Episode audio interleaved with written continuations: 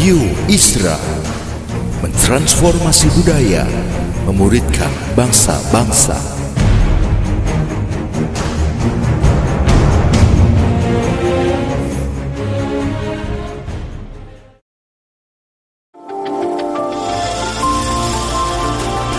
Voice of Pradaim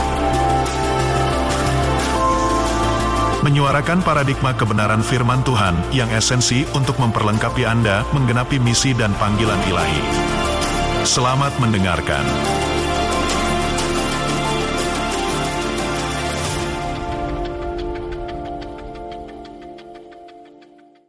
Senang diajak uh, nyembah Tuhan bersama-sama pagi yang indah ini. Mungkin sebagian masih libur ya atau masih sedang berlibur, Saudara kita tetap mau build intimacy atau membangun keintiman dengan Tuhan. Ya, di mana pun kita berada, di sikon apa pun. Mari kita belajar dari Mazmur 90 pada pagi hari ini. Mari kita belajar dari kitab Mazmur, pasalnya yang ke-90. Kita akan membaca mulai ayat yang ke-9. Ya, saya meyakini banyak kita hanya mengenal Mazmur 90 ayat yang ke-10 dan ayat yang ke-12. Tapi pagi ini kita akan belajar dari ayat yang ke-9 sampai dengan ayat yang terakhir dari Mazmur pasal yang ke-90 ini. Kita akan lihat bunyi firman Tuhan sebagai berikut. Mazmur 90 dari ayatnya yang ke-9. Sungguh, segala hari kami berlalu karena gemasmu. Kami menghabiskan tahun-tahun kami seperti keluh. Masa hidup kami 70 tahun. Dan jika kami kuat 80 tahun. Dan kebanggaannya adalah kesukaran dan penderitaan. Sebab berlalunya buru-buru dan kami melayang lenyap.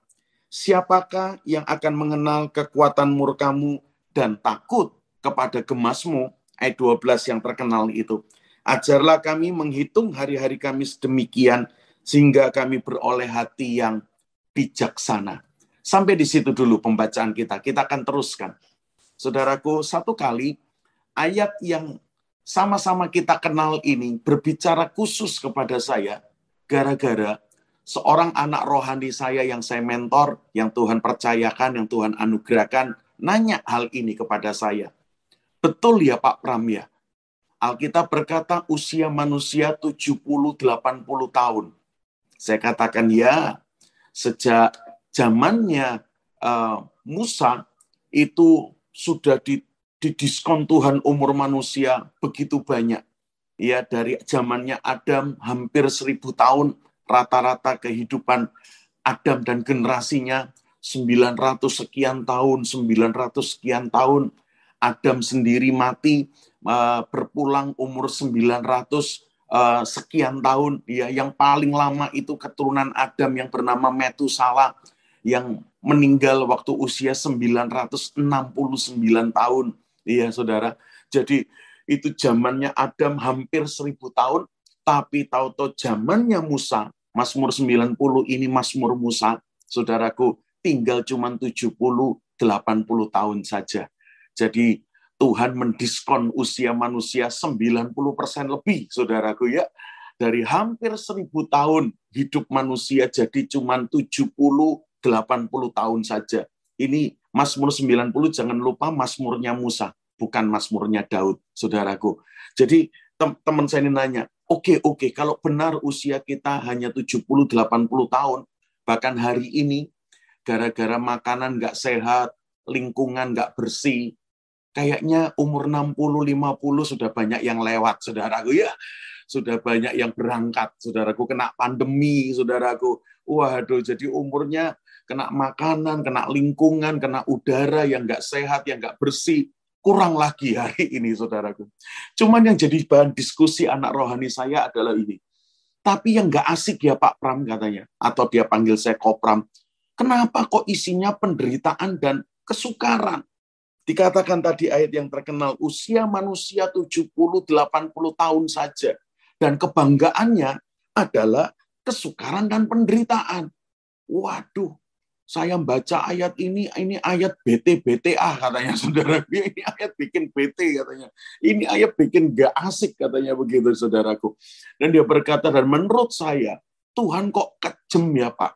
Tuhan kok sadis ya Pak. Udah ngasih umur kita pendek, 70-80 dari awalnya hampir 1000 tahun. Lalu kebanggaannya, isi di dalam umur kita yang singkat itu, isinya penderitaan dan kesukaran Wah, wah, kalau saya boleh nawar Tuhan, dia bilang, saya siap umur di dunia cuma 30-40 tahun saja, enggak apa-apa. Tapi nggak usah pakai menderita dan yang susah-susah. Jangan, nggak usah katanya gitu. Ngapain sampai 70-80 tahun kalau isinya penderitaan dan kesukaran? Saya waktu dengarkan saya ini ngomong, dalam hati saya mengamenkan juga ya saudaraku ya. Coba saudara, mau umur sampai 70, 80, tapi isinya penderitaan dan kesukaran, saudaraku. Kan itu nggak asik banget. Ngapain sampai 70, 80 tahun kalau isinya kayak begitu? Lebih baik separuhnya dia 30, 40, tapi nggak usah pakai menderita dan kesusahan. Iya, itu cara manusia kita uh, apa berpikir. Dan gara-gara pernyataan atau diskusi rekan saya ini, saya pulang dari ketemu dia, nyampe rumah, tak buka lagi Alkitab saya ini dan tak baca lagi ayat ini, saudara. saya renungkan kembali, betulkah seperti itu? Karena saya yakin Tuhan yang kita sembah di dalam Yesus bukan Tuhan yang sadis, bukan Tuhan yang gak asik, tapi dia Tuhan yang luar biasa. Makanya waktu saya pulang, saya baca lagi, dan waktu saya renungkan, saya bersyukur kepada Roh Kudus yang mengajar saya begini. Itu cara berpikir rekanmu, itu cara berpikir banyak orang tentang ayat ini yang gak asik itu adalah orang-orang yang melalui hari-harinya bukan di dalam berkat Tuhan, bukan di dalam penyertaan Tuhan. Coba-coba Bapak Ibu kembali baca mulai ayat yang ke-9. Sungguh, Mazmur 90 tadi ya, mulai ayat yang ke-9. Sungguh, segala hal kami berlalu karena apa? Gemasnya Tuhan dan kami menghabiskan tahun-tahun kami seperti keluh. Loh, ini perjalanan hidup yang bukan di dalam penyertaan dan berkat Tuhan, tetapi di dalam gemasnya Tuhan, di dalam kemarahannya Tuhan, di dalam murkanya Tuhan. Sampai ayat yang ke-11 diulang. Siapakah yang mengenal kekuatan murkamu dan takut kepada gemasmu? Jadi saudara, 70-80 tahun hidup kita di dunia, itu bakal nggak asik, bakal nggak enak kita jalani, BT kita lewati.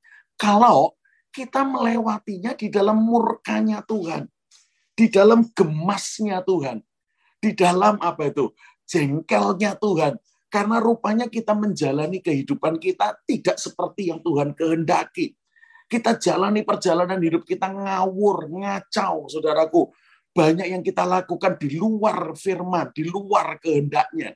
Maka perjalanan hidup yang seperti itu, 70-80 tahun di dunia, itu jadi nggak mengasihkan, nggak menggairahkan, bahkan beberapa ngapain sampai 70-80 kalau isinya kayak begituan. Lebih baik 30-40 pulang, saudaraku, tapi nggak usah pakai yang susah dan menderita, saudaraku. Nah, ayat 12 Mazmur 90 itu ayat titik balik. Dikatakan di ayat yang ke-12, ajar kami Tuhan menghitung hari-hari kami sedemikian sampai kami beroleh hati yang bijaksana. Wow, dan ketika kita mau punya hati yang bijaksana, the wise heart itu ya, hati yang bijak yang Tuhan berikan. Ya nanti saya terangkan apa itu. Lihat ayat 13 sampai ayat yang terakhir Mazmur 90, ceritanya lain. Coba Bapak Ibu baca. Kita suka berhenti di ayat yang ke-12 kalau baca Mazmur 90 ini. Padahal ayat selanjutnya itu ayat titik balik turning point saudara ketika kita menjalani 70 80 tahun hidup kita bukan lagi di dalam murka Tuhan bukan lagi di dalam gemasnya Tuhan, di dalam kejengkelan dan marahnya Tuhan, bukan. Ya, apa yang terjadi? Coba lihat ayat yang ke-13 ketika sudah dapat hati yang bijaksana. Kembalilah ya Tuhan, berapa lama lagi dan sayangilah hamba-hambamu. Kenyangkanlah kami di waktu pagi dengan apa? kasih setiamu. Wih, keren ini bangun pagi. Sudah dibuat kenyang. Bukan dengan soto, saudaraku ya. Bukan sama nasi pecelnya Surabaya. Ini kangen nih sotonya Surabaya ini, saudaraku ya.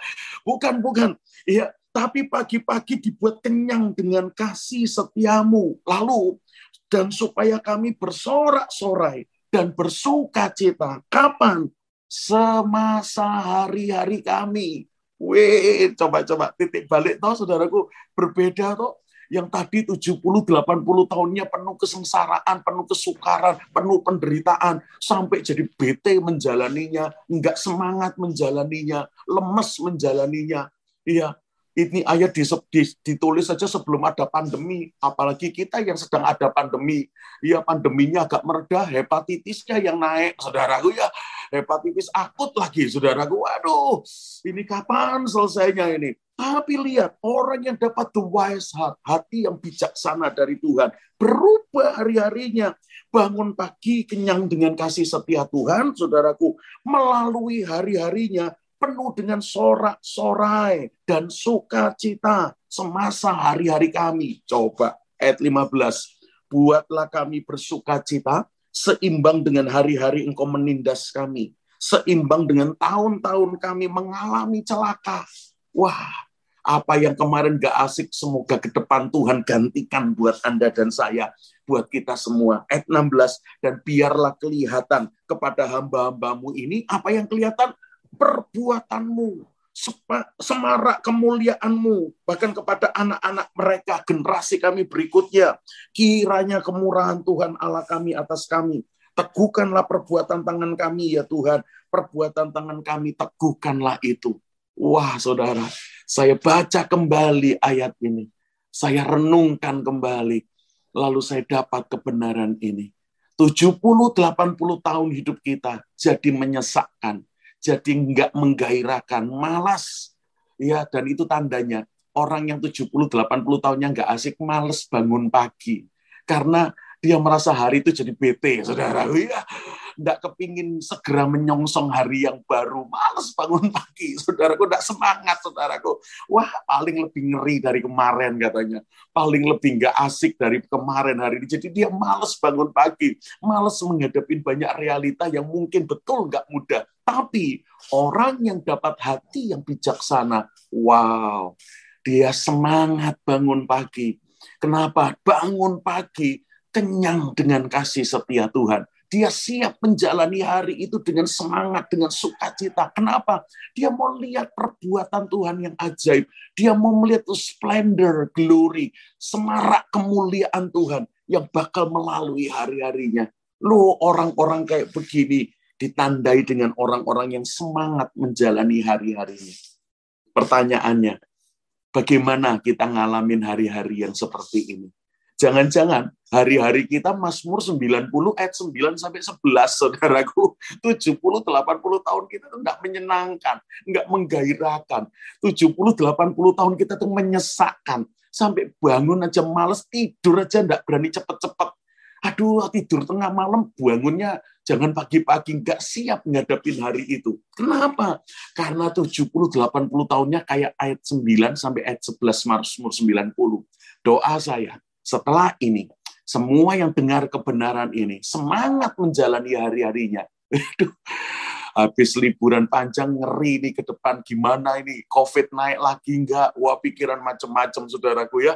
Tapi yuk kita belajar punya hati yang bijaksana. Sampai kita bangun itu semangat kenyang dengan kemuliaan. Kita lalui hari-hari kita dengan sukacita. Lihat kemuliaan Allah. Lihat semarak kemuliaan Tuhan terjadi. Gimana caranya saya akan bawa saudara kepada Matius 11. Mari kita lihat ayat terkenal kedua. Matius 11 ayatnya yang ke-28 yang berkata, Marilah kepadaku semua yang letih lesu dan berbeban berat. Aku akan memberi kelegaan kepadamu. Saudara, saya hubungkan Mazmur 90 ini dengan Matius 11 ini, ayat 28 yang juga kita kenal. Karena beberapa orang kan hari-harinya 70-80 tahunnya penuh kesukaran dan penderitaan. Yang bete itu, yang bikin tidak semangat itu. Tuhan terus ngomong di ayat ini, eh kalian-kalian yang punya beban yang berat dengan hari-hari kehidupanmu, datang kepadaku. Kata datang kepadaku tidak berlaku cuma untuk petobat baru, saudaraku ya. Marilah datang kepadaku itu tidak berlaku cuma untuk petobat baru, ya untuk menjadi uh, tema KKR, saudara. Tapi ini juga untuk setiap kita yang melalui hari-harinya yang gak asik dan menggerus banyak energi, yang grogotin banyak tenaga kita sampai kita lemes, sampai kita loyo dibuatnya. Tuhan berkata, come to me. Kata come to me ini datang kepadaku.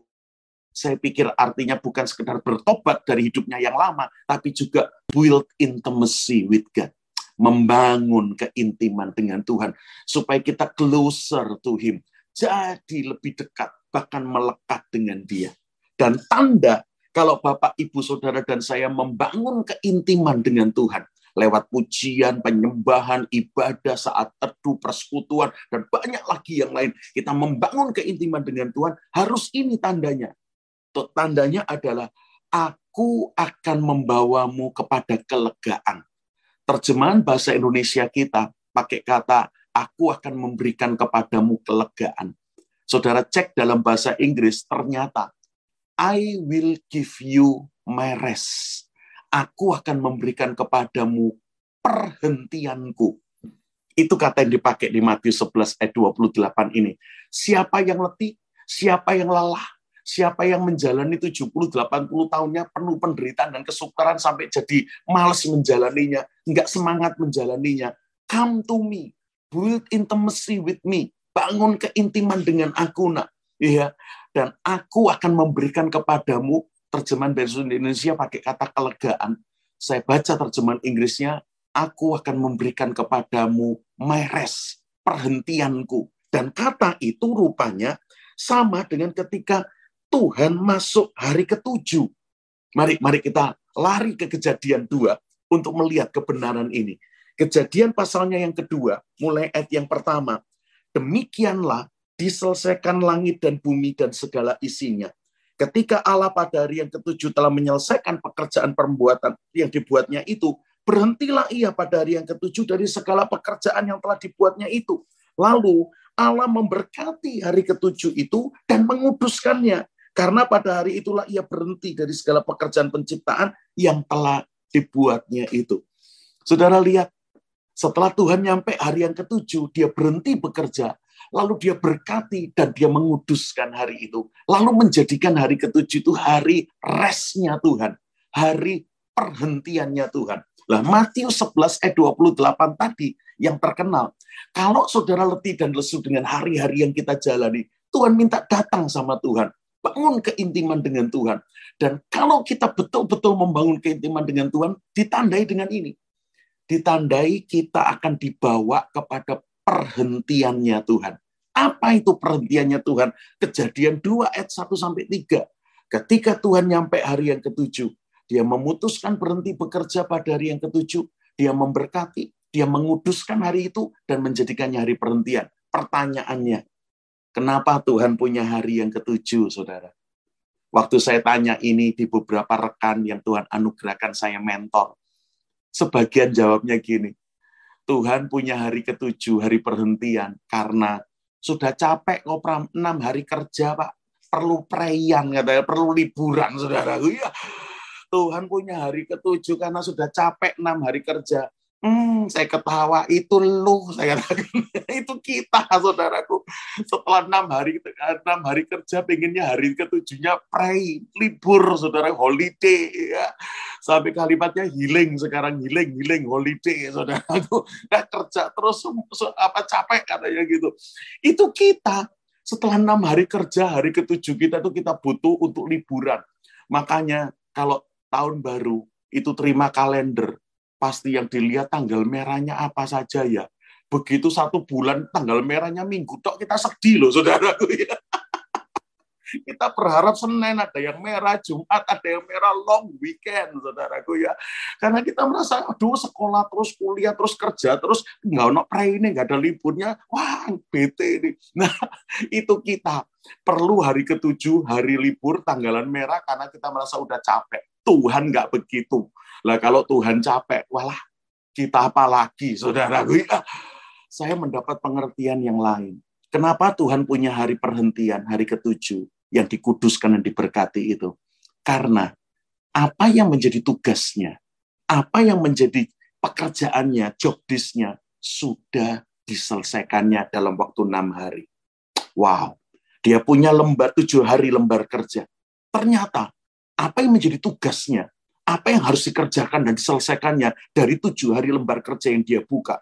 Enam hari sudah selesai. Bahkan hari yang keenam, waktu dia ciptakan manusia, diselesaikan dengan finishing well, dengan dengan finishing perfect. Maka manusia itu dinilai Tuhan amat baik.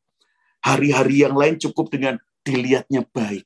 Begitu hari keenam dia buat manusia, ini ciptaanku yang amat teramat sangat baiknya.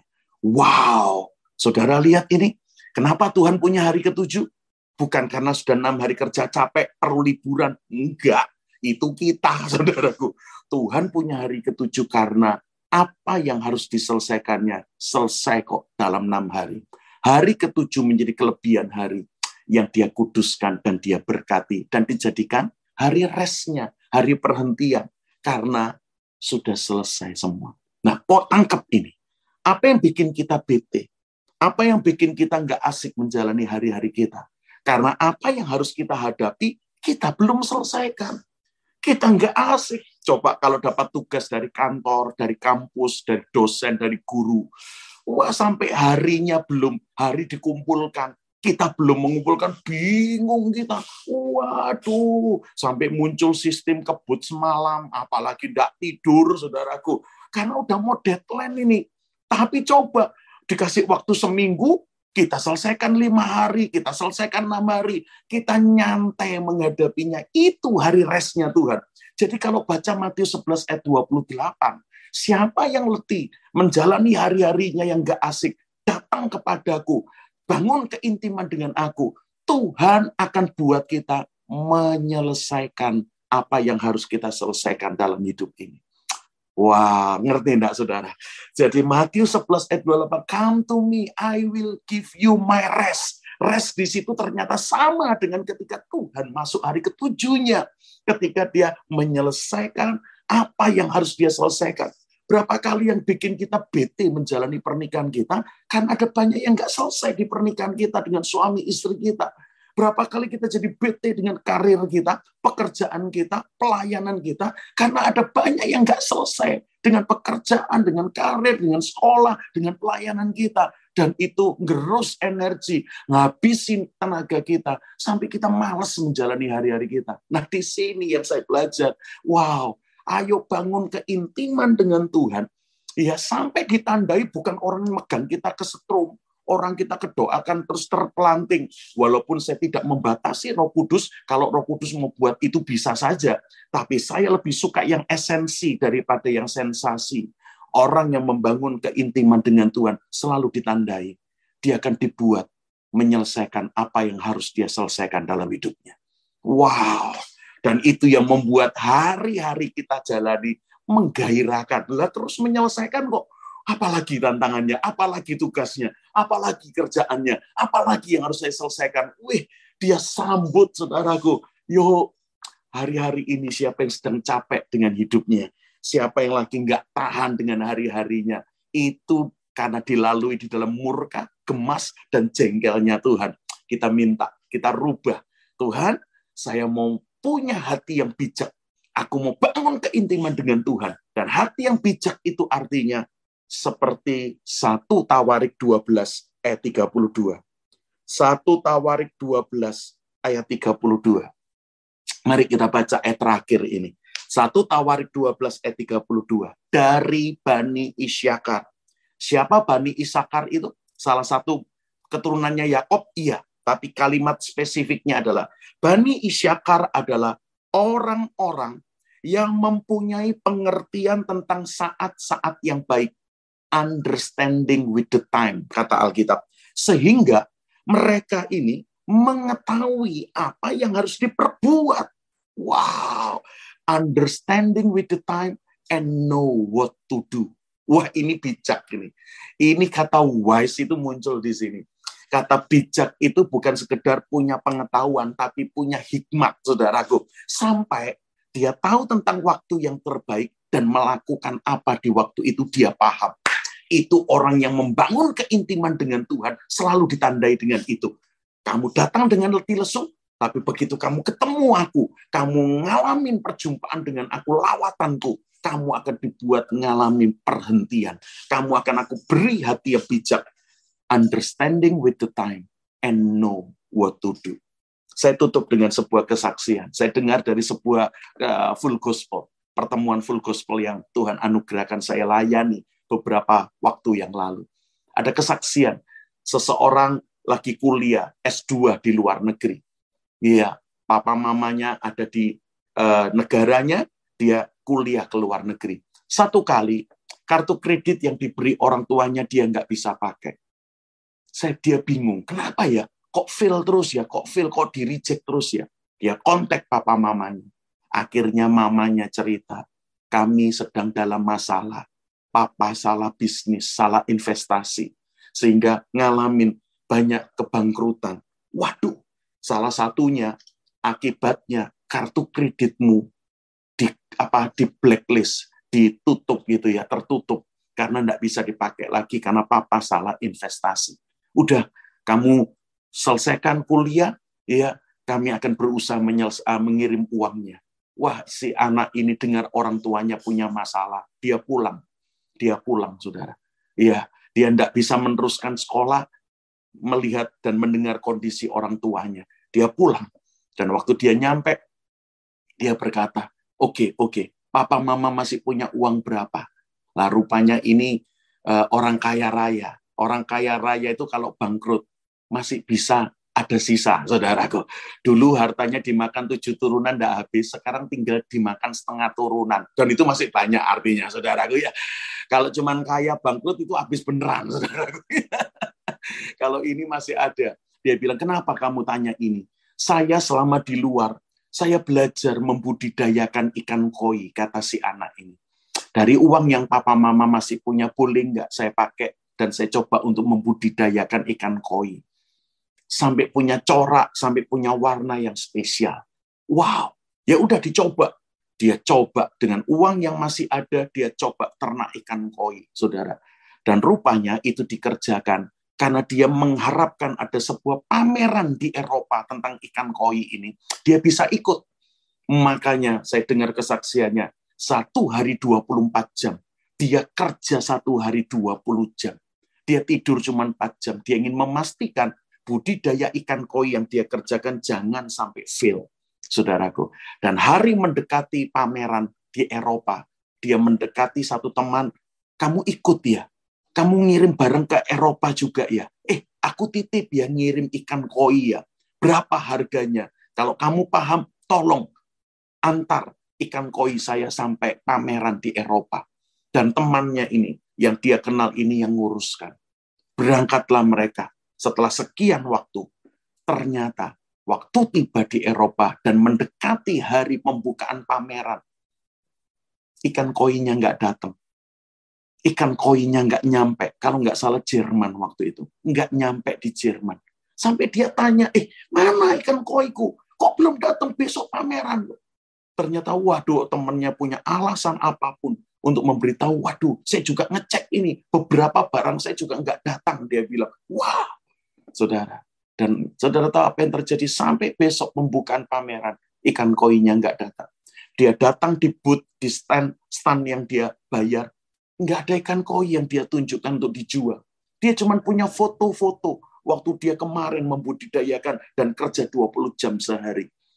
Waduh, waktu dia lihat di booth sahabatnya yang juga ikut pameran di Eropa ini. Kaget dia. Karena sahabatnya ini yang dia kenal ini juga jual ikan koi ternyata. Dan waktu dia lihat, loh, kok ikan-ikan koiku ada di sini? Waduh, dia tanya, ini bukan ikan koi saya ya bro? Wah, terjadilah perselisihan teman ini. Tapi teman ini berkata, no, no, no, ikan koimu dan beberapa ikan koiku yang lain belum datang. Ini yang saya kirim sebelumnya. Wah, alasannya macam-macam lah, saudara. Tapi karena dia 20 jam sehari bekerja untuk memastikan investasi orang tua yang sisa uang ada yang ada itu nggak sampai fail. Dia pastikan ini ikan koi saya lihat ini foto-foto yang saya punya ini kan ini kan. Wah tapi temennya ini berdalih dengan macam-macam sampai terjadi pertengkaran. Lama-lama dia bilang, waduh Tuhan, sudah papa mama salah investasi sampai saya berhenti kuliah dulu dan pulang. Saya coba memakai sisa uang yang ada untuk ini harapan saya ini jadi uang ternyata kok seperti ini. Bukankah itu realita yang nggak asik? Tapi yang saya luar biasa dengar dan diberkati, dengar kesaksian ini. Dia tidak mau meneruskan pertengkaran karena makin membuat dia down. Dia kembali ke stannya. Dia pajang foto-foto ikan koi di mana kemarin dia 20 jam sehari bekerja. Dia pajang, dia fotoin semua perkembangannya, dia pajang. Dan rupanya pengunjung pameran di Jerman, di Eropa itu mendekati dia bilang, loh ikan koimu ini kok spesial ya? Jarang lo kami menemukan yang coraknya, warnanya kayak gini. Mana-mana ikan koinya? Saudara tahu rekan ini bilang apa? Dia bilang, kamu telat. Kamu telat datang. Semua ikan koi yang saya pajang di foto ini sudah diborong stand sebelah, katanya saudara. Coba saudara. Kalau kita jadi dia masa gitu ngomongnya. Wah, ini ada teman pengkhianat kita bilang begitu saudara. Ada kawan makan teman ini ya, kawan makan kawan. Wah, kita akan ngomongnya jelek di bibir kita, di mulut kita. Tapi saya dengar kesaksian ini bukan itu yang dia omong. Itu yang saya sebut dengan ini orang dapat the wise heart. Dia dapat hati yang bijaksana. Apa itu hati yang bijaksana? Understanding with the time and know what to do ngerti tentang saatnya dan apa yang harus diperbuat di saat itu. Wih, saudaraku. Dia berkata, kamu telat datangnya. Semua ikan koi yang ada fotonya saya pajang sudah diborong stand sebelah. Kalau tidak percaya, lihat di sana dan silakan beli di sana. Gitu loh ngomongnya, saudara. silakan lihat dan beli di sana. Dan akhirnya orang-orang ini ke situ untuk nyocokkan betul nggak dilihat oh iya seperti yang di foto ini kan koinnya. Ditanya harganya berapa di disebut sebelah. Wah dia temennya buka harga mahal lalu orang-orang tuh ternyata balik. Eh aku udah lihat betul sudah ada di sana. Dijual sekian. Wah dia kaget dijual mahal sekali saudaraku. Saya itu baru lihat pameran anjing di daerah Alam Sutra. Anak anjing itu harganya 30 ribu, 4, eh sorry, 40, 30 juta, 40 juta, walah, walah. Ada coco harganya 30 juta, ada anjing apa harganya 40 juta, anaknya baru umur 2 bulan, saudara. Wah, masa pandemi ini banyak bisnis baru, saudara. Jadi dia bilang, ini kok mahal sekali. Kalau saya beli di kamu, saya harus nunggu berapa lama? Karena kan punyamu sudah diborong booth sebelah diborong stand sebelah. Kalau aku pesen di kamu butuh berapa lama dan kamu buka berapa harga. Karena di sana sekarang dijual segitu. Dan ketika teman ini yang cuma jual atau nunjukin foto, dengar mereka ini mau beli di dia. Dia bilang, aku butuh waktu sekian. Aku pulang ke negaraku, aku budidayakan. Aku akan berikan kepadamu. Tapi harganya sekian ya. Orang-orang ini pada DP, saudara. Coba. Cuman jualan atau ngeliatin foto tapi dia dapat hikmat yang luar biasa. Wow, ini yang saya sebut dengan hari-harinya ada masalah, ada kesukaran, tetapi tidak bikin dia loyo, tidak dia bikin dia frustasi dan malas menjalaninya. No, no. Hari-harinya bangun pagi kenyang dengan kasih setia Tuhan. Hari-harinya dilalui dengan sukacita lihat semarak kemuliaan Tuhan, lihat perbuatan ajaib Tuhan. Saya berdoa Anda dan saya ngalami hari-hari bahkan di tengah pandemi yang semoga sih sudah meredah. Tapi kita baru dengar pandeminya meredah. Idul Fitrinya dilepas pemerintah. Ngeri saudaraku di mana-mana kredit saudaraku. Tahu-tahu hepatitis untuk menyerang anak-anak muncul dengan luar biasa yang menakutkan. Tapi hari ini kita belajar kita dibawa keresnya Tuhan. Amin, saudara. Kita dibawa ke hari ketujuhnya Tuhan. Bukan hari libur itu, tapi hari di mana apa yang harus kita selesaikan, kita akan selesaikan dengan finishing well, dengan finishing maksimum, dengan finishing perfect, saudara. Bersama kasih karunia Tuhan. Dan itu yang bikin hari-hari kita menggairahkan. Itu yang bikin hari-hari kita luar biasa seperti rekan ini. Yang saya dengar kesaksiannya di satu acara full gospel. Dia dapat apa orderan dan orang-orang Eropa kasih DP ditunggu sekian waktu karena dia ngasih waktu dia termasuk ongkos kirimnya dan sebagainya. Wow saudara. Dan dia cerita itu awal pemulihan keuangan rumah tangga dan keluarga kami. Wah dahsyat Tuhan